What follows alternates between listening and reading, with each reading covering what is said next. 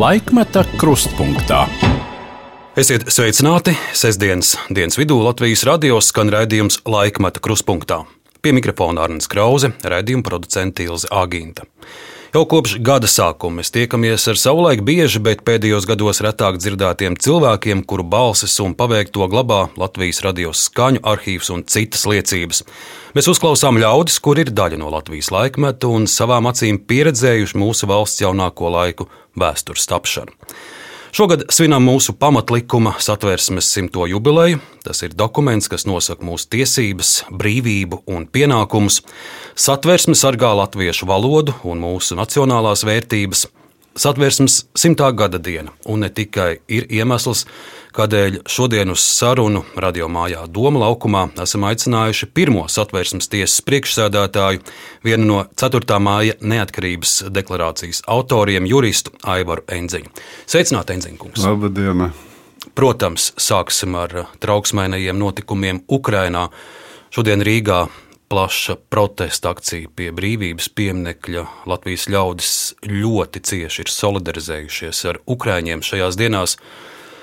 Kā jūs, kā cilvēks, kurš ir rakstījis Latvijas neatkarības deklarāciju, kā jūs redzat, kas šobrīd notiek ar Ukraiņas neatkarību? Eh, diemžēl eh, Krievijas hunta, Kremļa, Putina tuvākie līdzgaitnieki, diemžēl, ir pārkāpuši jebkuras starptautisko tiesību normas un faktiski īsteno genocīdu pret Ukraiņas tautu. Pret Ukraiņu kā valsti. Jau 2014. gadā, eh, kad tika Krīma okupēta, arī daļa no Donbass reģiona ieņemta. Tas faktiski jau bija pirmais signāls. Bet acīm redzot, tad vēl rietumi it kā nosodīja, kaut kādas sankcijas paredzēja, bet ne tik nopietni, kā tas ir šodien, kad beidzot arī rietumu pasaulē ir atvērušās acis un kļuvusi dzirdīgākas ausis par to, kas reāli notiek. Kāda ir šī politika, ko realizē Kremlis ar Puķinu priekšgalā. Tas ir vienkārši neiedomājami. Šī agresija, kad tiek iznīcināti dzīvojamās mājas, slimnīcas, bērnu dārzi. Tā ir būtībā milzīga humanā krīze, ko ir izvērsusi Krievija. Pie tam arī, ka viņi e, mēģina pasniegt, ka viņi aizstāv Krievus no Ukraiņu genocīda, bet diemžēl taču bumbas, raķetes, visi šie artērijas triecieni pa dzīvojumiem masīviem – Nu, teiksim, ņemsim par to pašu Harkovu. Ja? Es esmu Harkovā kādreiz bijis. Būtībā Harkova ir izteikti krieviska pilsēta. Te kurš te kuru gal galā aizstāv? Ukraiņi, Krievus, visu savu tautu, jeb Maskava. Tieši pretēji. Tas ir vienkārši nu, veselam saprātam neiedomājami, kas tur notiek. Jūs teicāt, daudziem rietumos šobrīd atvērušās acis, mēs, baltieši, arī poļi un arī paši Krievijas demokrāti ir uh, gadu gadiem brīdinājuši par Putina patieso seju un patiesajiem nolūkiem rietumus. Mēs redzam, ka tikai tagad, tikai tagad daudzi beidzot ierauga Putina īsto seju. Diemžēl tā tas ir. Man jau nu, kopš tiem laikiem, kad es vēl biju Eiropas Padomus komisijas demokrātija caur tiesībām, jeb tā saucamās Venecijas komisijas loceklis. Un es biju arī e, tajā laikā e, Venecijas komisijas loceklis, kad notika Krimas okupācija, kur Krievijas pārstāvi divi profesori, doktori. Debatēs nepiedalījās, bet izplatīja rakstisku paziņojumu, kur tika motivēts, ka Krīma ir vienmēr bijusi Krievijas sastāvdaļa, bet tā taču ir Tatāru pamatiedzīvotāji kā tādi. Saprotiet, visu laiku tas ir noticis visos e, nu, masu mēdījos, internetā. E, šī falsifikācija, ko Krievija visu laiku ir izvērsusi. Par pašu Putinu, kādu jūs viņu redzat tagad? Kā es viņu redzu? Es tomēr esmu optimists un ceru, ka galu galā visi tie milzīgie zaudējumi, kuri jau ir uh, Krievijas karaspēks cietis un cietīs vēl vairāk, ka tas galu galā uh, piespiedīs nu, tautu, Krievijas tautu, novākt Putinu. Un tad tik tiešām varētu būt šī iespēja, kad uh, Hāgas krimināltiesa varētu saukt viņu pie atbildības. Un Kamēr viņš jautājums. ir pie varas, tikmēr tiesa varēs notikt, bet rezultāts nebūs. Kā jurists, vai jūs redzat, ka uz tā paša apsūdzētā un notiesātā sola Hāgaus, kur reiz ir sēdējis Miloševičs, pienāks laiks un sēdēs arī Putins? Es ceru.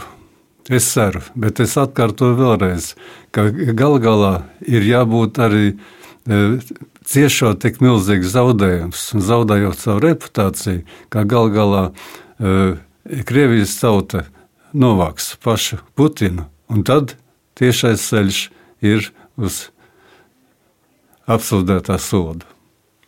Jūsu paredzējums, jūsu prognozes, kas notiks ar Ukrajinu? Ar Ukrajinu kaut arī viņi cieš milzīgs zaudējums, infrastruktūru, Eh, dažādas objektus un tam līdzīgi. Galu galā Ukraina uzvarēs. Jo jau tagad eh, tie milzīgie zaudējumi gan eh, tehnikas ziņā, gan lidmašīnas, aviācijas, helikopteri, bruņu tehnika, karavīru skaits, tas tikai turpinās pieaugt jo gal galā Ukraiņa cīnās par savu dzimteni. Un nekad agresors nevar pakļaut tik lielu valsti, kāda ir Ukraina, ar tik daudziem miljoniem iedzīvotāju, kur stāv un krīt par savu valsti. Un jūs skats, kas notiks un kā mainīsies pati Krievija pēc eh, šīs visas Putina avantūras, pēc eh, Krievijas okupācijas Ukrajinā. Mēs redzam eh, šajās dienās, ka pēdējie neatkarīgie mediji tiek sabradāti. Arī par nekādu opozīciju īstenībā nevar runāt. Krievijas parlamentā vienbalsīgi viss tiek pieņemts. Un, un tie daži, kuri atļaujas iebilst publiski, viņi tiek kaunināti, viņi tiek vajāti. Kas notiks ar pašu Krieviju? Es ceru, ka zaudējuma rezultātā Krievijai vai nu tā būs revolūcija, vai tas būs apvērsums, kad Puķins tiks novākts. Jo galu galā, cik ilgi var? Nu, arī Hitlers savulaik izmantoja propagandu, Gebels šī propaganda E, kur centās nu, mobilizēt. Bet kas notika? Galu galā pasaule iestājās pret fašismu un uzvarēja. Un šī gadījumā es domāju, ka arī Ukraina ar Eiropas, Amerikas Savienoto valstu un citu rietumu valstu e, palīdzību tiks galā ar agresoru. Traģiskie Ukraiņas notikumi šobrīd ir atstājuši saprotami, ka ēnā tos, tās ziņas, kas bija pirms Krievijas iebrukuma, saistībā ar to, ka saima neapstiprināja satversmes tiesas bijušo vadītāju Sanitu Osipovu augstākās tiesas amatā. Augstākās tiesas priekšstādātājs runāja par konstitucionālo krīzi. Neraugoties uz visu to, kas notiek Ukrajinā, arī šī krīze mums Latvijā nav beigusies, un arī tā mums ir jārisina. Nu, katrā gadījumā es domāju, ka nevarētu runāt par konstitucionālu krīzi. Neapšaubām, e, ka tas ir apdraudējums tiesu varas neatkarībai, e, ka Sanita Osipova netika apstiprināta satversmes e, augstākās tiesas senāta sastāvā. Tas ir neapšaubām. Un es domāju, ka ja tas notiktu šodien balsojums, ka rezultāts tomēr būtu citāds. Jo kas tad balsoja pret? Tie ir Nacionālā apvienība, Zaļie zemnieki, saskaņa, atturējās. Es domāju, ka šodien viņam varētu būt atvērušās arī acis.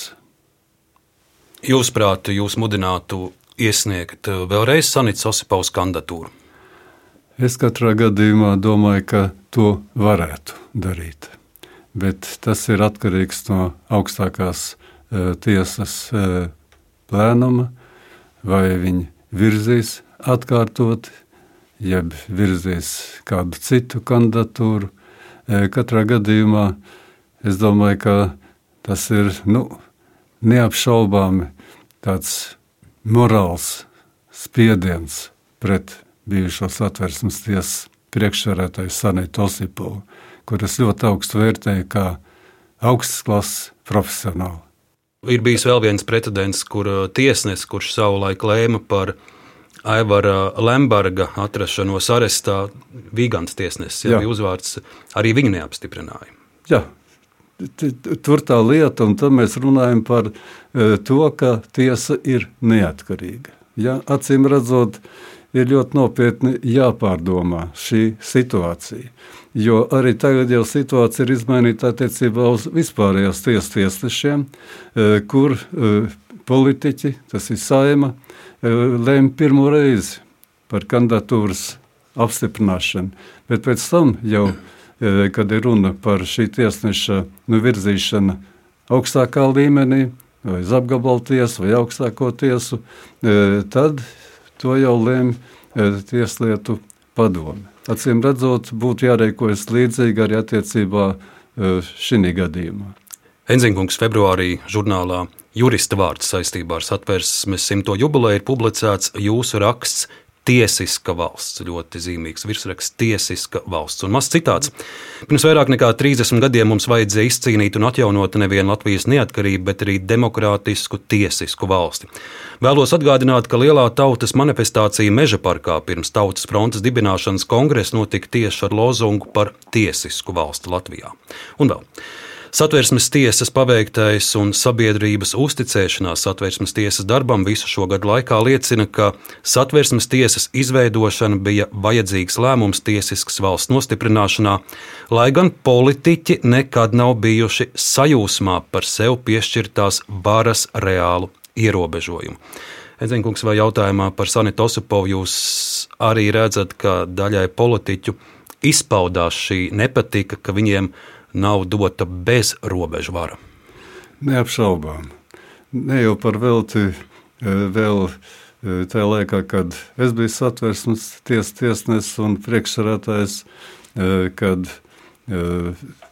pēkšņi tolaik tieslietu ministrs kopā ar ministru prezidentu Šēli, un tas bija Birkaus bija tieslietu ministrs, pēkšņi nāca ar ideju, ka satversmes tiesu vajadzētu vispār likvidēt, e, bet tas beidzās šīm abām personām ar fiasko. Tieši otrādi satversmes tiesas kompetence e, pēc tam tika e, paplašināta, tika ieviesta konstitucionālā sūdzība, un arī nu, pat nesen pēc satversmes tiesas sprieduma, kas tagad atspēlējās uz Osipovs kundzes turpmāko likteni, arī tad izskanēja atkal ideja, ka vajadzētu likvidēt satversmes tiesu. Enzinkungs, diskusijas par tiesnešu neatkarību un saimnes deputātu centienu to ietekmēt bija aktuāls arī nu, gandrīz vai pirms simts gadiem, arī pirmās brīvvalsts laikā, 1929. gadā saimnes sēdē. Viens no tolaik neatkarīgās Latvijas dibinātājiem, jurists un deputāts Arvets Bergs, saimnes spīkeram Cielānam, atgā, Cielānam atgādina, ka citāts viena kādam nepatīkama sprieduma dēļ vien nevar vērsties pret tiesnesi. Mūsu satversmē ir rakstīts, ka mūsu tiesas ir neatkarīgas, un ja kāds ministrs teiks, ka viņš grib iespaidot senātu, tad tā būs satversmes pārkāpšana. Kungi, jums ir jāsamierinās ar to, ka mūsu valstī ir neatkarīga tiesa, kuru mēs nevaram iespaidot. Šis zelta likums dažam labam saimā bija jāatgādina arī bija pirmās brīvvalsts laikā. Neapšaubām.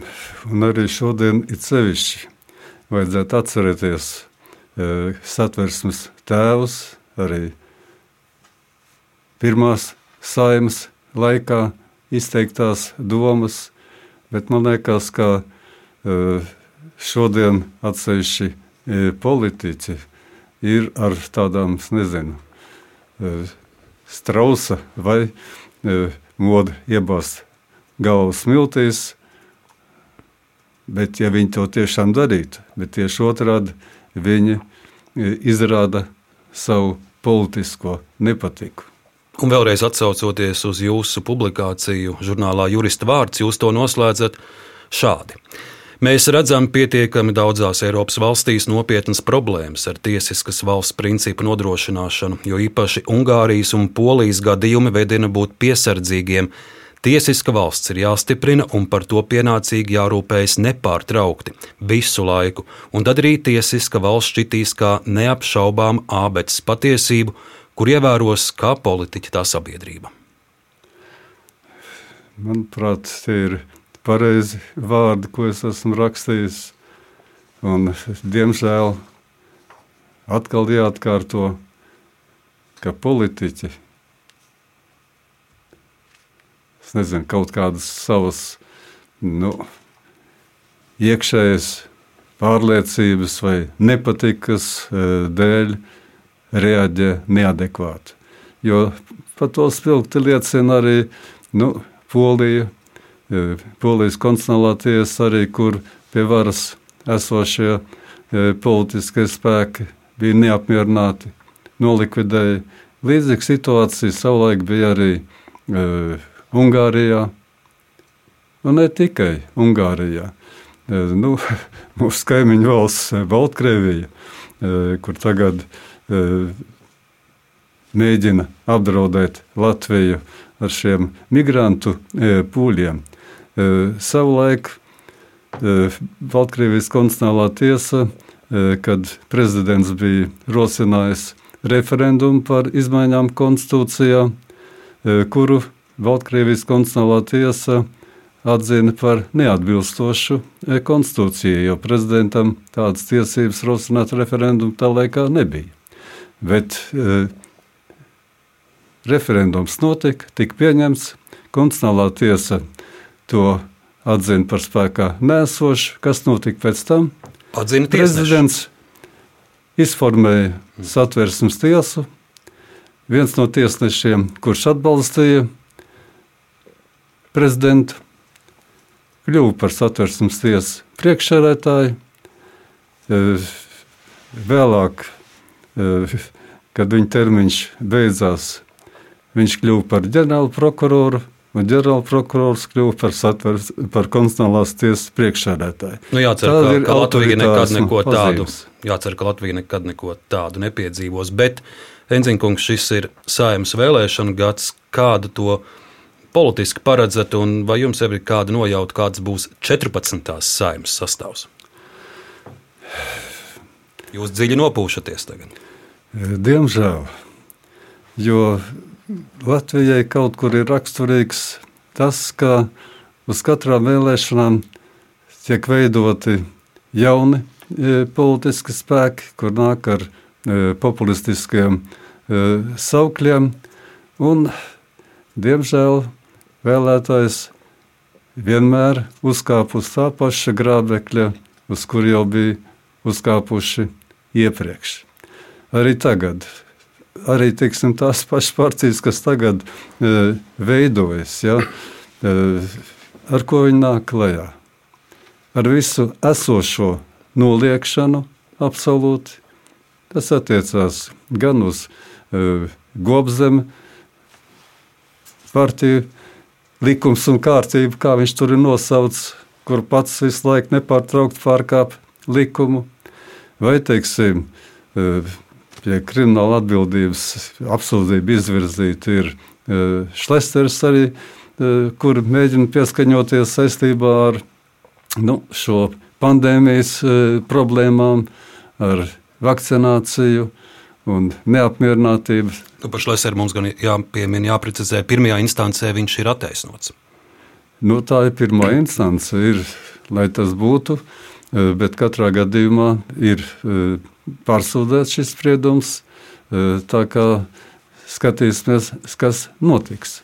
Bet arī viņa laikā es ļoti labi atceros periodu, kad tuvojās termiņa beigas, pirmā termiņa beigas toreizējai valsts prezidentei Vairē Vīķei Freibergai, kur viņš un viņa partija E, pamatā nāca ar ideju, e, ka mūs apmierina e, prezidentu. Mēs esam gatavi kaut vai tūlīt atkārtoti ievēlēt. Es toreiz tiku uzaicināts uz šo koalīcijas padomus sēdi. Es teicu, lūdzu, dariet. Tikai tas būs klajšs satversmes pārkāpums. Tā kā bija doma, ka vēl uz trešo termiņu varētu virzīt? Nē, uz otro à, uz termiņu. Otro. Jā. Bet, un tad Šlesters apmēram. Prezidentē Freibergā jau bija divi termiņi. Tas bija pēc pirmā uh, termiņa. Tur pirmā termiņa beigas, Aha. tuvajās beigām, ja? uh, kur vajadzēja uh, vēlēšanām būt jūlijā sākumā, bet tas notika martā kur pat tika iekļauts jau saimnes darba kārtībā nu, prezidenta pārvēlēšanas. Bet satversme nosaka, ka prezidents tika ievēlēts uz četriem gadiem. Ja toreiz piedošana vēl bija trīs gadi, Uh, un četri, bet uh, trīs gadi. Ja? Tā tad nevar saīsināt šo uh, termiņu kā tādu. Un tas bija rupšs pārkāpums.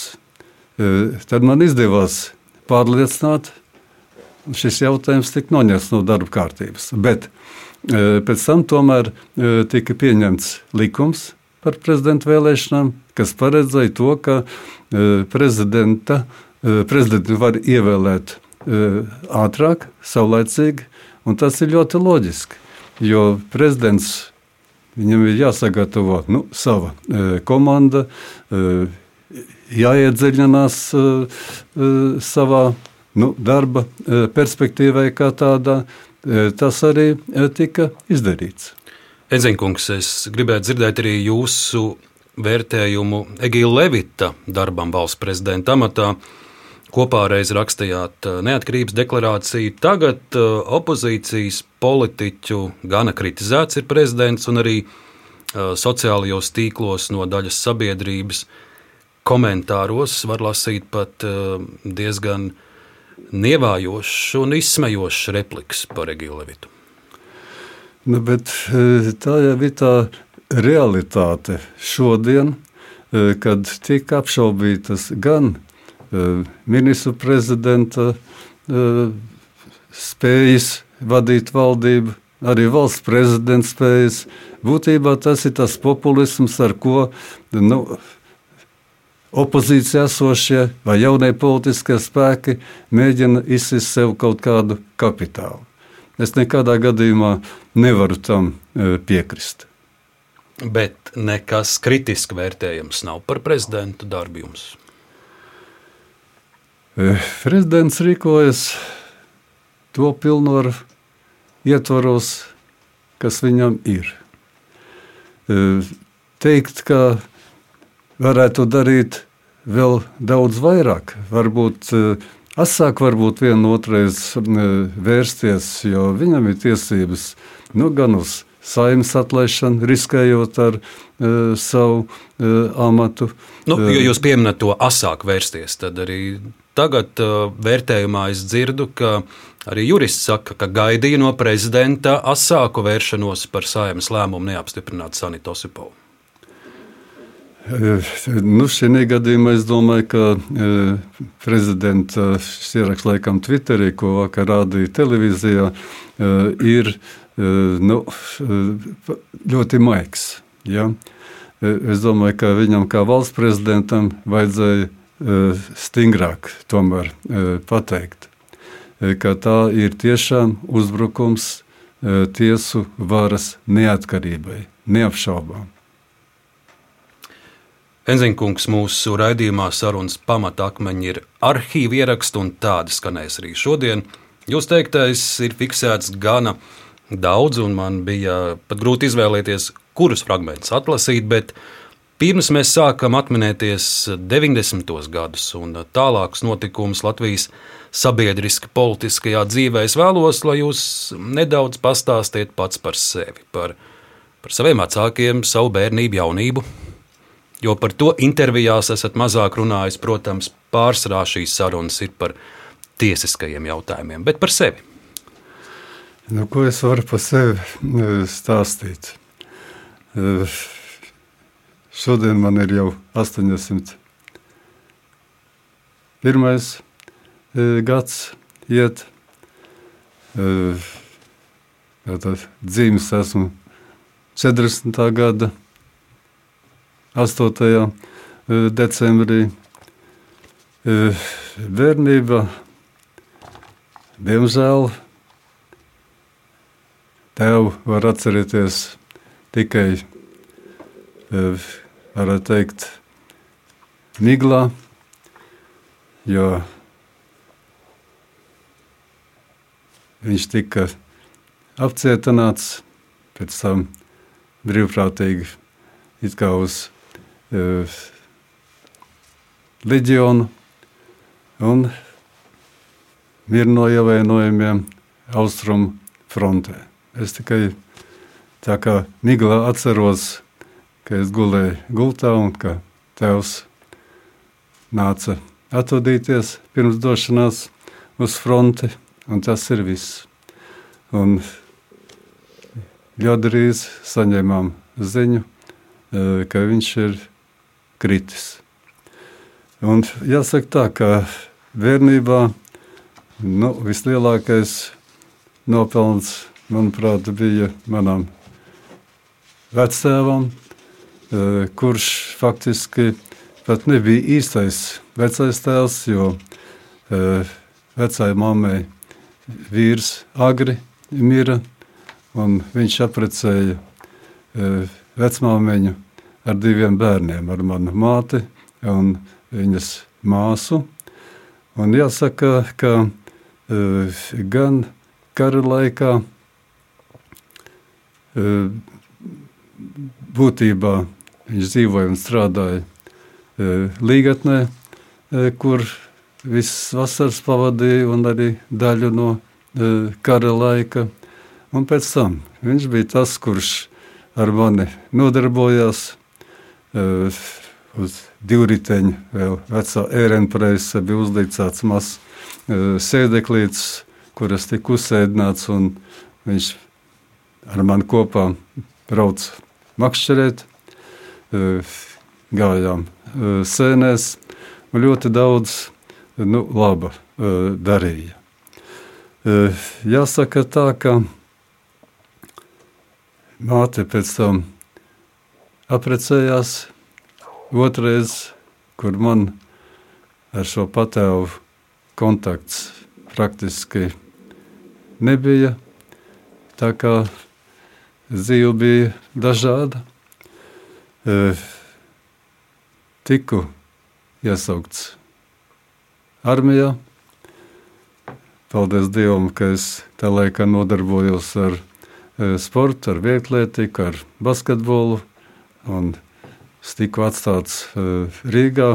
Un, trīs gadus pavadīju kazarmās, kur šodien ir tiesu māja, tas ir Abrens ielā. Būtībā arbija man pagāja diezgan viegli, jo gājām uz treniņiem, varētu teikt tā, līdz pusdienas laikam tu esi armijā, pēc tam varēja pārģērbties privātās drēbēs un tam līdzīgi. Jūs pieminat armiju, tad mazs citāts. Virsleitnants Enziņš fiziski attīstīts ļoti labi, labprāt nodarbojas ar sportu, veselīgs un spējīgs panest dienesta grūtības kā miera, tā arī kara laikā. Garīgi attīstīts labi, morāliskā un ētiskā ziņā nav vainojams. Tā ir attestācija, bet ne par jums, bet par jūsu tēvu Arvīdu Enziņu Jāņa dēlu. Un, Gatavojoties mūsdienas, mūsu šīs dienas sarunai, es valsts arhīvā atradu jūsu tēva dienesta gaitu sarakstu. Es nezinu, vai jūs to esat dzīvē redzējis. Ja nē, tad Enziņkungs, es jums nododu šīs 20 lapus, un es domāju, ka jums būs interesanti gan pašam pašķirstīt un redzēt sava tēva dienesta gaitas, gan arī mazbērniem parādīt šeit arī ar fotografijām un sīki un detalizēti aprakstīts jūsu tēta dienests Latvijas armijā. Lielas paldies! To, ka viņš bija sportisks, es zinu, jo ir kaut kur saglabājušies vēl atsevišķi diplomi par uzvarām kā tādām. Un jāsaka, mātes, māsas vīrs Stuklis, kurš arī bija ļoti sportisks, un viņi bieži vien arī kopā sportoja. Un, ja reiz māmu pieminam jūsu, tad arī šeit jums viena vēstures liecība, lai paliek atmiņā no mūsu šīs dienas sarunas. Ar nezinu, vai esat redzējis, tā ir jūsu mammas Silvijas pirmskara pase. Šeit arī ar visu fotografiju, un mani piesaistīja uh, jūsu mammas uh, dzimtas uzvārds Cačārijas. Ko jūs par to pastāstītu? Nu, tas ir vecās mammas uh, pirmais vīrs Es pat atklāti sakot, nezinu, viņa dzimusi Igaunijā, Rakveres novadā vai apriņķī. Tāda, tas ir nu, Pirmā pasaules kars. Tā sakot, tas bija bēgļu gaitas, nezinu, jeb arī tādā sakarībā, ka strādāja tas īstais vecais tēvs tur. Un viņi atgriezās Latvijā nu, pēc Pirmā pasaules kara. Paldies, ka pastāstījāt par, par savu dzimtu, par tās vēsturi, kā mēs dzirdam, arī sarežģīto, nu, gluži kā Latvijas liktenis. Bet nu, klausīsimies audio ieraksts, un es lūkšu jūs tos komentēt. Par 90. gadu neatkarības deklarāciju jūs esat intervētas daudz, tādēļ šo periodu šajā sarunā izlaidīsim, jo man ir interesanti uzklausīt jūsu atmiņas arī par citiem mūsu nesenās vēstures notikumiem. Pirmais ieraksts, kur klausīsimies 1995. gads, sastās saima nespēja ilgstoši vienoties par valdības vadītāju, un kā kandidāts tiek izvirzīts bezparteiskais Andris Čēle. 21. decembra sēdē tribīnē kāpj arī Latvijas ceļa pārstāvis Aivars Enziņš un savā runā atbalsta Andris Čēli, ieraksts no Latvijas radioarkīva. Aivars Enziņš, Latvijas ceļa frakcijas deputāts. Cienījamais valsts prezidenta kungs, cienījamās saimnes priekšsēdētāji, cienījamie kolēģis. Mēs šodien šajā zālē vairāk diskutējam nevis par valdības deklarāciju, nevis par valdības sastāvu, bet diskutējam par kaut ko citu. Diskutējam par aicinātā ministru prezidenta kandidāta Šēles kungu, par viņa personību. Kas tam ir pa iemeslu? Kāpēc? Acīm redzot, tāpēc, ka presē ir izskanējušas bažas, ka Lūk, Šēles kungs ir saistīts ar ēnu ekonomiku vai pārkāps likumu, ka pret viņu ir ievadīt operatīvās izpētes lietu vai operatīvās meklēšanas lietu. Un šeit no šīs tribīnes daudz deputāti par to runā un izsaka šaubas. Kas runā? Tikko nesen kolēģa runāja par ēnu, kamēr viņa nav izklīdusi, tikmēr nevajadzētu aicināt. Bet, ja es tā paskatos uz šeit zālē sēdošiem deputātiem, un arī uz tiem, kuri runāja no šīs tribīnes pirms manis, nu, kaut vai sāksim ar Saulīšu kungu. Vai par jums presē nerakstīja, ka jūs esat izsaimniekojis Kristīgo demokrātu savienības materiālos līdzekļus? Jūs šeit sēžat. Vai šeit netika runāts, un no šīs tribīnes nerunāja Kostāna kungs, par kuru presē izskanēja un bija Valsts drošības komitejas PSRS lūkveža kāda liecība, ka lūk, viņš ir sastrādājies ar Valsts drošības komitejas sniedz informāciju. Tā ir ēna vai nav ēna? Kalnbērs kungs, vai tā pa jums arī savu laiku presē nerakstīja, ka lūk, arī jūsu darbībā, finansiālā darbībā ir kaut, kāds, kaut kāda plankuma, kaut kādas ēnas rakstīja, bet jūs arī sēžat, šeit. Un šeit Rubīna kungs runāja par saviem pieciem bērniem, studentiem, kur viņš aicina viņus emigrēt, jebkur taisās emigrēt. Vai par jums arī nu pat nerakstīja un interesēs, no kurienes līdzekļi un tā tālāk ir radušies? Es jau pieminēju šeit kolēģi salīdzinājumu ar ēnu, kamēr ēna izklīst. Bet kad ēna parādās? Ēna laikam parādās tad, kad spīd saule. Vai tad tiešām mēs esam visi tādi, kas baidās no saules stariem un meklējam tikai ēnu? Es domāju, ka tā tas nav. Ka mēs tomēr visi gribam būt saulē, gribam, lai arī Latvija būtu saulē, un nevis meklēsim ēnu savu sīku, varbūt tās politisku ambīciju pēc. Un tāpēc es aicinātu atbalstīt šo te valdību. Lūk, arī šādi tēlaini apzīmējumi, pieminot sauli. Vai atceraties šo laiku, un kā jūs to atceraties?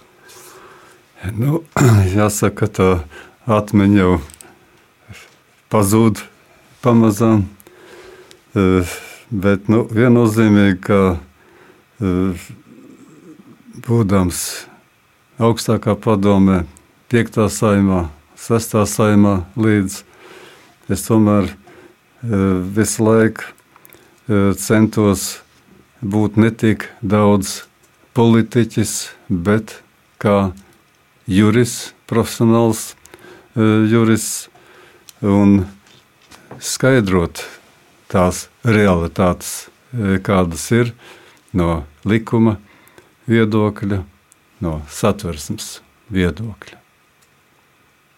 Toreiz jūs uh, mudinājāt balsot par Andriu Čēli, bet droši vien nevarējāt paredzēt, ka vēlāk jums būs sava veida saķeršanās ar Andriu Čēli, jau esot kā satversmes tiesas priekšsēdētājiem. Nu, eh, diemžēl eh, tā tas ir, jo ir daudzi eh, politiķi, kuri māca ļoti skaisti runāt, pārliecināt cilvēkus. Un, diemžēl pēc tam iznāk, ka mēs esam kļūdījušies. Tā bija arī Šķēles gadījumā? Es domāju, ka jā. Es domāju, ka jā. Kaut arī tajā laikā izskatījās, ka tik tiešām viņš ir spējīgs vadīt, organizēt e, valdības e, darbu. Un jāsaka, par šo runu katrā gadījumā es nevarētu kaunēties. To, ka es pēc tam tikai sapratu, ap ko lieta e, grozās. Jo, nu, saprotiet paši, es varu apbrīnot šodien, ka tik daudzi, kuri tagad skaitās kā miljonāri būtībā ir izmantojuši savu statusu, lai par tādiem kļūtu. Edzinkungs 96. gadā sājumi jūs ieceļ par satversmes tiesas tiesnesi, 2000. gadā tiekat ievēlēts arī par tiesas priekšsēdētāju. Visus tā laika spriedumus un notikumus ap tiesu mēs, protams, nespēsim šī raidījuma laikā pārstāstīt, bet dažus pieminēsim, un šo vēsturi arī mums palīdzēs atgādināt arhīvus. Viena epizode, tas ir 1999. gada augusts, un medijos parādās ziņa, ka uz satversmes tiesu augsta ranga amatpersonas tā sauktajā dzīvokļu lietā mēģina izdarīt spiedienu. Konkrēti tiek minēts eh, Šķēles, Traume, Kristopans, advokāts Grūtups. Eh, atcerēsimies Jā. tā brīža notikumus. Es domāju, ka Enziņa kunga izteikumi šādā veidā var tikt interpretēti. Tas esmu izbrīnīts.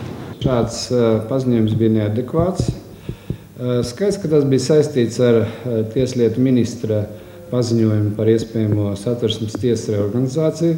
Un man liekas, ka Enziņa kungs tādā veidā gribēja no šīs reālās problēmas, kas pastāv satversmes tiesā, sabiedrības uzmanību novirzīt uz kādu šķietamu problēmu. Pamatojums tam varētu būt tās diskusijas, kas pēdējā laikā ir notikušas attiecībā uz iespējamo satvērsmes tiesas reorganizāciju vai pat likvidāciju, ko ir izteikuši daži politiķi. Tā varētu būt tāda emocionāla reakcija uz šiem ierosinājumiem. Nu, lūk, šāds fakts no 1999. gada. Visi pieminētie kungi noliedz, ka būtu kāda tiesas ietekmēšana, un vēl vairāk gaida jūsu telefona zvanu un ka jūs atvainosaties. Par ko toreiz bija stāsts? Lietas būtība ir tāda, ka lūk, nekustamo īpašumu aģentūra, kuras vadītājs bija Mote. Jānis Mote. Ja? Jā, mhm. kuri izstrādāja savu iekšēju normatīvu aktu, uz kuru pamata eh, valstī piekrītošie eh, dzīvokļi tika dalīti augstāvošām personām vai draugiem un tam līdzīgi. Būtībā šo lietu satversmes tiesa ierosināja pēc ģenerāla prokurora pieteikuma, jo gan toreizējā tieslietu ministrija nu, nereaģēja uz to, teica, ka viss ir kārtībā, satversmes tiesa ierosināja lietu. Un tad tika mēģināts to pasniegt apmēram tā, Grūtopkungs, nu, diemžēl atbildēt viņš vairāk nevar, bet mēģināja izdarīt spiedienu uz mani, kad saprata, ka nesanāks nekas, tad nomainījās advokāti, kas pārstāvēja moti šajā lietā. Bet kādēļ tur tiek pieminēts arī šķēle, straume, kristopāns? Tad apmēram tādā veidā, nu, ko jūs tur aiztiekat manu rasno draugu. Apmēram tādā veidā. Kurš ja? to teica? Uh, Kristopāns, uh, arī šķēle, ja? uh, nu, straume. Tā laikā bija saimnes priekšsēdētājs, kurš arī saņēma šo dzīvokli un vēlāk viņu par uh, daudziem tūkstošiem latu nopelnīja ja? E, tādā veidā. Un tad tika mēģināts pasniegt tā, ka Lūks atversmes tiesa e, mēģina e, izreikināties ar nekustamo īpašumu aģentūru, jo nekustamo īpašumu aģentūra nedēva dzīves vietu tiesnesei Ilzai Skultānai. Eh, kura bija pirms tika ievēlēta eh, Bauskas rajona eh, tiesas priekšsēdētāja un dzīvoja Bauskā. izbraukāt katru dienu no Bauskas uz satversmes tiesu ir diezgan sarežģīti. Ja? Un tad mēs arī griezāmies, jo valsts nekustamā īpašuma aģentūra ir tā, kurai būtu jānodrošina atbilstoši ar dienas dzīvojamo platību. Un tad lūk, tika mēģināts pasniegt tādā veidā. Tāpēc es biju spiests uh, sasaukt uh, preses konferenci, uh, kurā izstāst, izklāstīja visas šīs nianses. Straumi uzaicināja mani, un nu, kas tagad būs, un tam līdzīgi, ka saka, jūs esat politiķis. Jums ir jāatbild pašam par savu rīcību, jo arī, kad lūk, viņa vārds tiek tagad Eh, pacelts tādā kritiskā eh, gaisotnē. Eh, Tāda bija tā realitāte. Vēl viens satversmes tiesas jautājums, tas ir spriedums par deputātu kompensācijām. Ik pa brīdim mazāk un lielāks skandāli ar šīm deputātu kompensācijām ir arī šodien dzirdami, ir pat dažas krimināla lietas bijušas, bet 2002. gada februārī jūsu vadībā satversmes tiesa lemj, ka deputāti, kas tērē valsts budžeta līdzekļus savu pienākumu izpildēji, ir tādi paši kā ik viena valsts amatpersona. Un tā kā deputātu kompensācijām nav nekāda iekšēja kontrolas mehānisma, sabiedrība nevar būt pārliecināta, ka deputāti saņem kompensācijas par izdevumiem, kas viņiem patiešām ir radušies. Šodien ir kā pašsaprotama lieta, ka deputātiem ir jāatskaitās par katru čeku, par katru izdevumu.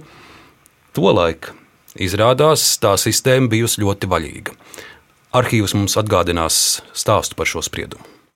Atzīt ar Latvijas Republikas Saimnes prezidiju 2000. gada 28. februāra lēmumu par kārtību, kādā piešķiramas un izmaksājamas kompensācijas saimnes deputātiem, un ar to apstiprinātos noteikumus par kārtību, kādā no saimnes budžeta kompensējuma izdevumi, kas radušies deputātiem, realizēt savus pilnvarus par neatbilstošiem satversmes 1. un 91. pantam un spēkā nesošiem no sprieduma publicēšanas dienas. Deputāts ir vienlīdzīgs ar citām fiziskām personām, kuras gūst tikpat lielus ienākumus un tāpat apliekams ar nodokļiem likumā noteiktā kārtībā. Deputāta amats pats par sevi nav un nevar būt pamats nodokļu atlaidēm vai papildu maksājumiem. Es esmu gandarīts par to, ka mums tomēr ir viena tiesa iestāde, kurā nešaubīgi var atrast taisnību. Neraugoties uz to, ka pretī ir simts saimnes deputāti ar labu algotu juridisko biroju, un ka viens ir ierindas pilsonis var gūt arī taisnību un uzvarēt uzvarēt saimnu. Šis teikums no, nu jau arī aizsaulē aizgājušā Ivara Silāra, kurš arī balsoja par Latvijas neatkarību 90. gadā, ka arī ierīnas pilsonis var uzvarēt saimnu, pateicoties satversmes tiesai. Nu, bet tā jau ir tā konstitucionālās uh, sūdzības uh, būtība uh, pati par sevi, kura šodien strādā ļoti labi. Bet šeit, e, šajā lietā, e, no saimnes deputātiem, e, Juris Dobels, kurš laikam bija vai saimniecības komisijas vai revizijas komisijas priekšsēdētājs, saimnes sēdē skaidri un gaiši būs brīdināja, lai mēs neaizmirstam, ka saima ir tā, kur apstiprina ne tikai valsts budžetu, bet arī jūsu budžetu, tātad satversmes tiesas budžetu.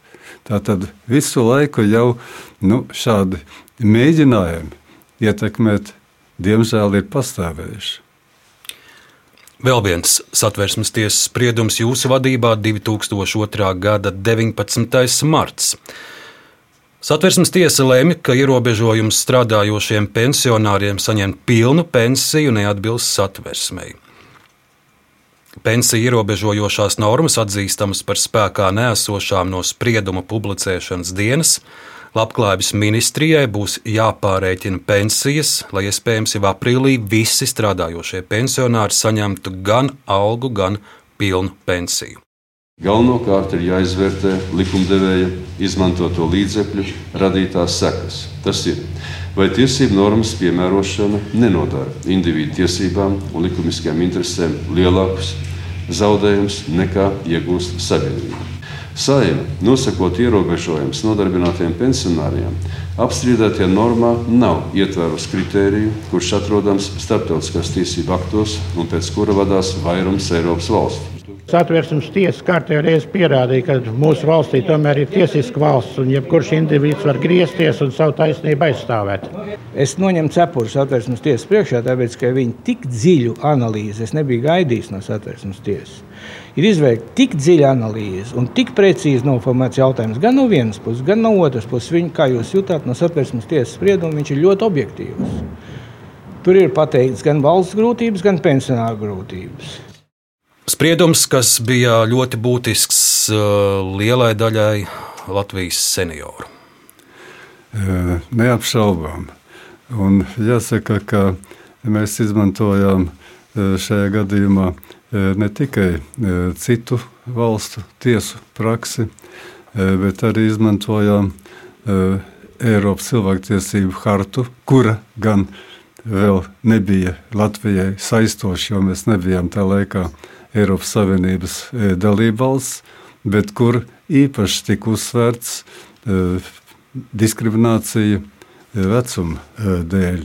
Man pēc tam mēģināja pārmest, ka lūk, es pats esmu pensionārs.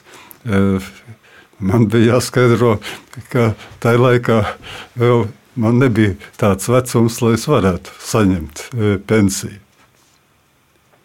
Bet uh, Es domāju, ne tikai e, šī lieta, arī saistībā ar diskrimināciju pēc e, vecuma bija vēl viena lieta, kas bija saistīta ar to, ka pēkšņi tika noteikts, ka, nu, ja persona ir sasniegusi e, noteiktu vecumu, viņš vairs nevar būt par teiksim, augstskolas rektoru vai Zinātņu akadēmijas kāda struktūra vienības vadītāji, kur arī virkne ļoti labi pazīstami Latvijas zinātnieki iesniedz kā konstitucionālo sūdzību, kur arī mēs konstatējam, ka lūk, šī ir rupja satversmes pārkāpums un diskriminācija vecuma dēļ.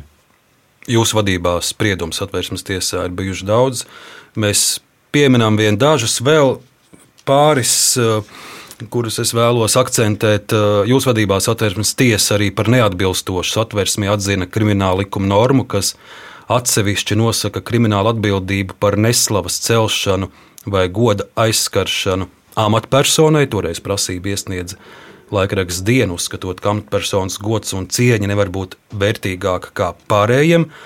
Tāpat jūsu vadībā satversmes tiesa arī lēma, ka Tētis un mamma drīkst atrasties bērnu kopšanas atvaļinājumā un dažas stundas dienā arī strādāt. Toreiz ziņu virsraksta bija Māmiņas uzvar valsti.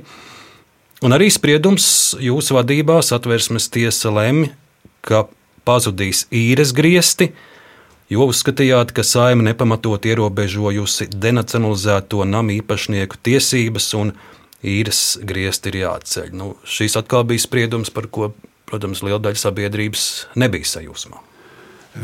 Jā, tā tas ir.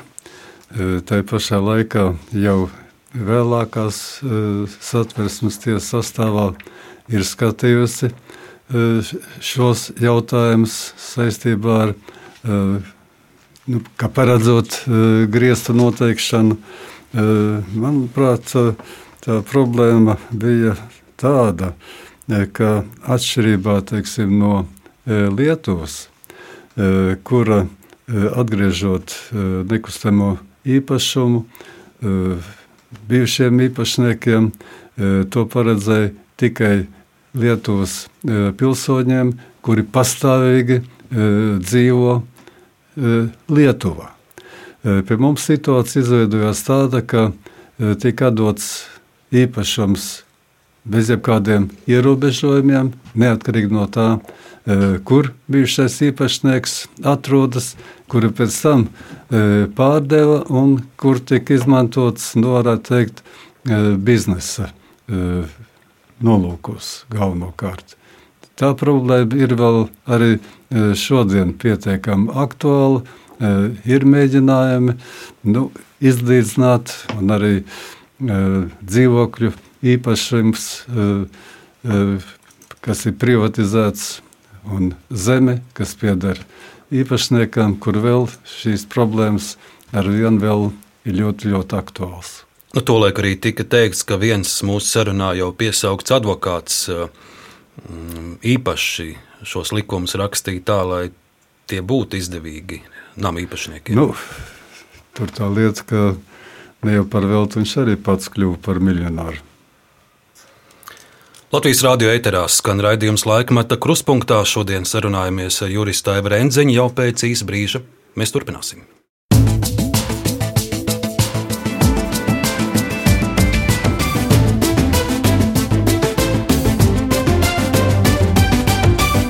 Laikmeta krustpunktā. Enziņkungs, vēl viena epizode, kur vēlos dzirdēt jūsu atmiņas, jūsu stāstījumu. Ir 2003. gads, saimā notiek diskusija par Latvijas iesaistīšanos Irākas kara operācijā. Tolaik starptautisko tiesību speciālists Inets Ziemela saka, ka neredz pamatojumu saimas lēmumam šāda operācijā iesaistīties, jo ANO nav lūgusi dalību valstu nostājas paušanu. Ziemela toreiz skaidroja, ka Latvijai nav arī divpusējs līgums ar ASV par savstarpējo palīdzību šādās situācijās. Viņa secina, ka Latvija līdz ar to sevi nostādījusi kara stāvoklī ar Irāku. Toreizējā valsts prezidenta Vaira Vīķa Freiberga vaicāja un uzklausīja juristu konsultācijas un arī jūsu vērtējumu. Un jums tolaik viņš bija pretējs eh, Inetas Ziemeļas skatījumam. Jūs norādījāt, ka uh, saimas lēmums ir atbalstāms arī maz fragments no šī laika. Šajos statūtos ir arī 51. pants, eh, kurš paredz iespēju valstī veikt arī pasākums preventīvs, ja viņi ir agresijas upuris, uzbruku vai kaut kas tamlīdzīgs. Nu, lūk, vēl šobrīd arī juristu, starptautisko tiesību ekspertu vidū ir diskusijas, kā toreiz vajadzēja rīkoties Latvijai, Latvijas parlamentam attiecībā uz Irākas operāciju. Nu, katrā gadījumā es atbalstīju e, šo lēmumu un e, centos arī to pamatot, motivēt. Arī mūsu saistības ar Amerikas Savienoto, Savienotajām valstīm par savstarpējo e, palīdzību bija e, dominējošs.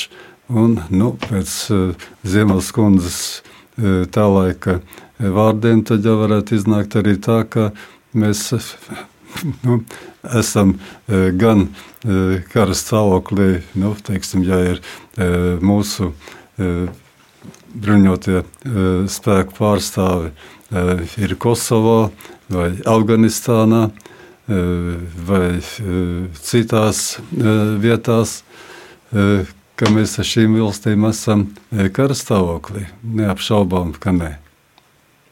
Mēs pildām savus, savus, savus starptautiskās saistības. Enzinkungs, vēl viena epizode.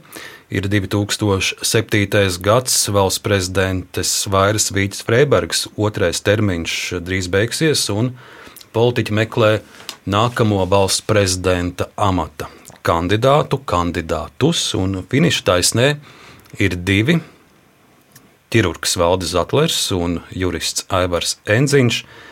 Un 2007. gada 20. maijā šeit, Radio Mājā, radio studijā, abi prezidenta amata kandidāti, Valdis Zatlers un Aivars Enziņš, tiekas tiešraidē. Arī mazs arhīvu fragments. Alfreds Rubiks mūsu tautā asociējas ar kaut ko. Bet viņš man ir ļoti simpātisks tajā ziņā, ka joprojām dzīvo Latvijā un pauž savus uzskatus, un savus uzskatus nav mainījis. Vai jūs tiešām domājat, ka uzskati tādi, kādi jums bija 5 vai 10 gadu vecumā, vai 19 vai 20 gadu vecumā, ka cilvēks nevar mainīties, kad iepazīt realitāti kā tādu? Šāds fragments no jūsu abu diskusijas, pēc tam eksperti to vērtējot, secināja, ka kopumā Jūsu saruna ir bijusi cieņpilna, viena ar tādiem dažiem asumiem, nu, kā dzirdējām, Valdis Zatlers piemin vai akcentē jūsu komunistisko pagātni. Šis laiks, kad jūs startējāt uz valsts prezidenta amatu, kā to atminaties, un arī šādas, nu, sauksim to par tādām dzēlību, sauksim to par tādu nu, jūsu pagātnes atkal tīšanu atpakaļ un, un šādu faktu atgādināšanu.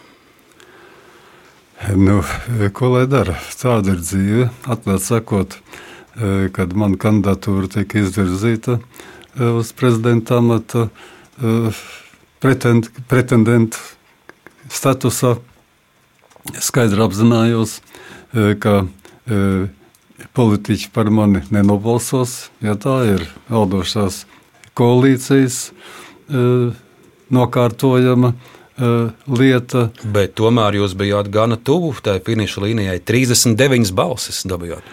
Nu, saprotiet paši, ja, ka nu, būtībā balsoja par opozīcijā esošie deputāti. Nu, jāsaka tā, ka atklāti sakot, mani pēc tam izbrīnīja atsevišķi mani bijušie kolēģi vēl no augstākās padomas laikiem vai 5. 6. saimnes laikiem, kur viens atļāvās man adresētu, varētu teikt, vidējā pirksta rādīšanu kā tādu. Un jāsaka, ka tas bija Laksdiņkungs. Jā, tas bija viņš, kur mēs bijām augstākā padomē. Viņš bija viens komisijas priekšsarētājs, es biju juridiskās likumdošanas jautājumu komisijas priekšsarētājs. Tā kā man bija šī pārliecība, un arī, kad es beigās piekritu kandidēt, es sievai teicu, neuztraucies, tu nekad nebūsi par Latvijas pirmo lēdēju, būs balsošana, un līdz ar to tiks pielikts punkts. Kaut arī neapšaubām, ka ne tikai nu, šī radio pārraide, bija televīzijas pārraides, kur mēs bija šīs diskusijas, un kur nu, sabiedriskās doma, tautas, kas saka, pārstāvi priekšroku deva man. Bet tas man nevarēja motivēt, lai cerētu, ka es varētu kļūt. Un arī toreizējā valsts prezidents Vairvīķa Freiberga. Viņa arī atgādināja jūsu pagātni. Viņa, viņa motivēja apmēram to tādā veidā, ka uh, Enziņš par prezidentu tas būtu katastrofa uh, Latvijai. Bet, Bet arī bija nelaime jau ir tā, ka uh, viņa uh, ļoti labi uh, nu, uzņem cilvēkus, kuri glauda pa spalvai. Diemžēl uh, tas fragments teiksim, saistībā ar piedalīšanos mūsu bruņotajiem spēkiem uh, Irākas uh, karā. Bija par, bet pēc tam uh, man vairāk kārtīgi es biju atļāvies izteikt kritiku viņas rīcībai, un arī, kad beidzās mans termiņš, pilnvaras, un kad es stādīju priekšā nu, eh, jaunos eh, tiesnešus kā tādus, eh, tad savā uzrunā viņi nevārdu nepieminēja nu, to pozitīvo, ko es esmu devis kā satversmes ties, tiesnesis un tiesas priekšsēdētājs, bet kuru norādīja uz to, ka nu, šī amata ķēde nedod tiesības nu, publiski kaut ko paust, izteikties apmēram tādā veidā. Tad, kad jūs kandidējāt uz prezidenta amatu, jūs ar to rēķinājāties, ka arī dažādi jūsu pagātnes fakti tiks celti gaismā, un toreiz tika atrasta arī jūsu zinātniskā publikācija no 70. gadiem, kurā jūs rakstat citāts sociālistiskās revolūcijas rezultātā Baltijas republikas uz visiem laikiem kļuva neatkarīgas no imperialistiskām valstīm. Tas, ka visi apgalvojumi par Baltijas republiku okupāciju ir vistīrākais izdomājums, pārliecinoši pierādīts daudzos Latvijas vēsturnieku un juristu darbos. Arī nu, to jūs esat rakstījis. Jā, diemžēl e, to es varu tikai nožēlot, bet tajā pašā laikā e, tad bija pavisam e, cita informācija, cita pieeja un nebija arī nu, iespēja tikt pie reāliem vēstures faktiem, un tas tika, nu, varētu teikt, potēts visiem Ja, arī man neapšaubām, vēl kā, kad es biju kā students. 90. gada 4. maija, neatkarības balsojums, neatkarības deklarācija. Tā ir arī tāda vēsturiska epizode, ka šīs deklarācijas melnraksts top tieši jūsu darba kabinetā. Toreiz vēl Latvijas Universitāte, partijas sekretāra kabinets, bet tieši tur ir aizmetumi šim svarīgajam dokumentam? Jā, tas ir e, fakts. Jo es rosināju, e, ka var izmantot e, šo manu kabinetu, kurš ir pietiekami liels, kluss, kur var nevienu netraucēt, var rūpīgi strādāt. Un tā tas arī notika. Enziņkam. Cik paradoxāli tas varbūt arī nebūtu. Enziņkungs ir satversmes simtās jubilejas gads. Kādu jūs redzat? Latvijas nākotni un kādu jūs redzat, cik, cik droši jūs esat par mūsu satversmi? Es vienmēr esmu pēc dabas bijis optimists. Un ar to es gribētu arī sākt. Mūsu satversme ir pietiekami moderna. Eh, kurā no sākotnējā teksta ir izdarīti eh, pietiekoši daudz būtiski eh, grozījumi, kas padara šo satversmi par vienu no modernām satversmēm, modernām konstitūcijām. Un tas, ka reizē mēģina to apšaubīt, ka lūk, satversme nekam nedara, ka viņa ir pārāk veca, ka vajadzētu jaunu, es tam nekādā gadījumā negribu pietik, piekrist. Jo satversmes tēvi bija ielikuši jau šo pamatu par neatkarīgu, demokrātisku republiku. Un tas jau tika fiksēts vēl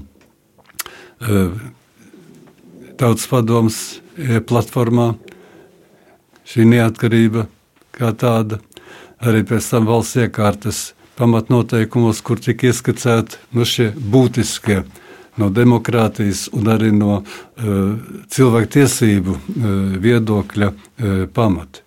Diemžēl toreiz saima nepieņēma šo satversmes otro daļu, kas bija būtiski izstrādāta un kur bija ļoti daudz pozitīvu Eh, normu.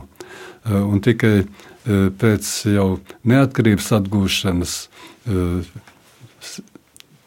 saima beidzot izdarīja šo grozījumu satversmē, paredzot cilvēku pamatiesības. Kaut arī vēl augstākās padomas laikā tika pieņemts konstitucionālais likums par cilvēku un pilsoņu tiesībām un pienākumiem. Tā tad ir, bet būtībā bija tas, ka nebija konstitucionālā līmenī tas nostiprināts. Tagad tas ir izdarīts. Un es domāju, ka satversmē ir nākotne, ka varbūt būs nepieciešamība atsevišķos gadījumos uh, vienu vai otru uh, jautājumu precizēt, bet ne tādā ziņā, uh, ka izstrādāt jaunu satversmi. Manuprāt, tas nav vajadzīgs. Nu, kopumā savā mūžā, ja tā var teikt, mūsu satversme ir piedzīvojusi 15 labojumus. Jūsuprāt, cik piesardzīgi ir jāspēr šie soļi kaut ko no jauna vēl rakstot satversmē? Nu, ir rosinājums no valsts prezidenta puses tagad domāt arī par digitālajiem jautājumiem. Šī laika stāsts tas ir uh, arī diskusija par to, vai un kā nostiprināt uh, dažādas ar partnerattiecībām saistītas jautājumus. Kā jūs to redzat? Cik, cik piesardzīgi vai, vai cik drosmīgi būtu jārīkojas ar satversmi? Nu, katrā gadījumā es domāju, ka jārīkojas ir piesardzīgi. Jo, e, lai satversmē varētu izdarīt grozījumus, ir nepieciešamība, lai būtu klāt ne mazāk kā divas trešdaļas, un divas trešdaļas no tiem nobalsotu par. Ja, tā tad jau tas prasa tādu kvalificētāku e, balsu vairākumu, tā tad ir jābūt e, zināmam zināmai vienotībai pašā likumdevējā, saimā. Un tas neapšaubām prasa laiku, tas prasa argumentāciju ļoti nopietnu. Es domāju, ka līdzšinējie grozījumi vairāk vai mazāk bija nepieciešami. Ja? Tas bija saistībā gan teiksim, ar satversmes tiesas izveidošanu, ar termiņa pagarināšanu gan likumdevējam, gan valsts prezidentam no 3 uz 4 gadiem, un veselu virkni vēl citu. Bet, Enziņkungs, ja jūs tagad būtu satversmes tiesas tiesnesis vai vēl jau vairāk priekšādātājs, kā jūs lemtu par šiem jutīgajiem jautājumiem, īpaši kas ir saistīts ar diskusiju par partnerattiecību regulējumu? Katrā gadījumā es rīkotos tā, kā ir rīkojusies satversmes tiesa esošā. Jo neapšaubām, ka tas ir ļoti liels mīnus, ka mēs nevaram nekādīgi noregulēt nu, šīs attiecības, vienzimuma attiecības kā tādas. Juridiski nav, jo Tas ir neatrisināts līdz šim vēl jautājums. Nu, es ceru, ka uh, Tieslietu ministrijas darba grupas izstrādātais likuma projekts uh, saistībā, lai uh, kaut vai daļēji noregulētu juridiski šīs attiecības, tiktu pieņemts un stātos spēkā. Un mūsu sarunas izskaņā Enziņkungs vēlreiz atgriezīsimies pie trauksmainajām norisēm Ukrainā. Latvijas ļaudis, protams, šajās dienās ir satraukušies, un to var saprast, redzot šos šausmīgos kadrus no Ukrainas un redzot, kāds patiesībā ir mūsu austrumu kaimiņš, kāds ir Putins. Kādi būtu tie jūsu eh, drošības vārdi Latvijas iedzīvotājiem šajā ļoti nemierīgajā laikā? Es esmu optimists. Es atkārtoju to vēlreiz. Jo galu galā mēs esam gan Eiropas Savienības dalībvalsts, bet galvenokārt mēs esam NATO alianses sastāvdaļā. E, un ir šīs garantijas. Piektais pants, kas paredz, ka NATO iesaistās tādā gadījumā un aizstāv katru NATO dalību valsti. Bet Tā pašā laikā es gribētu piekrist vakar panorāmā e, teiktajam, ko teica ministru prezidents e, Kariņa kungs, ka ne tikai šīs, bet arī, ka mums ir jābūt vienotiem un ka mums mazāk vajag e, domāt par nu, tādām sašķeltību, par nu, nezinu, naida kurināšanu vienam pret otru. Jo gal galā Ukraina ar savu vienotību, kur ir koncentrējušies ap uh, Ukrainas prezidentu, un ka, kur karo pret Kremļa iebrucējiem, kā Ukraiņas, tā Krievs vienā ierakumā. Daudzu Ukraiņas tautību pārstāvju Tā skaitā arī krievi, jo viņi arī ļoti labi saprot, kas ir Putins un ar kādu agresiju viņš nodarbojas. Un es domāju, arī, ka arī šajos nu, apstākļos mums ir jāvienojas, jāizbeidz šie savstarpējie ķīni, ķīviņi, mēģinājumi nu, kurināt arī naidu pret krieviem vai krievalodīgajiem. Tas ir absurds. Galu galā mēs esam viena valsts, un satversme pasaka nevis par latviešiem, bet par Latvijas tautu. Latvijas tautai ir vara. Tas ir jāņem vērā. Un, ja mēs to ņemsim vērā, tad mēs būsim drošībā. Neapšaubām. Vēlēsim spēku Ukrainai, izturību Ukraiņiem. Enziņkungs, liels paldies jums par šīs dienas sarunu bijušais satvērsmes tiesas priekšsādātājs Aivars Enziņš. Paldies! Paldies. Raidījuma autori Arnis Krause un Ilza Ginta par skaņu rūpējās Elizabete Šaicānova un Rēnis Budze. Paldies un turpiniet klausīties Latvijas radio!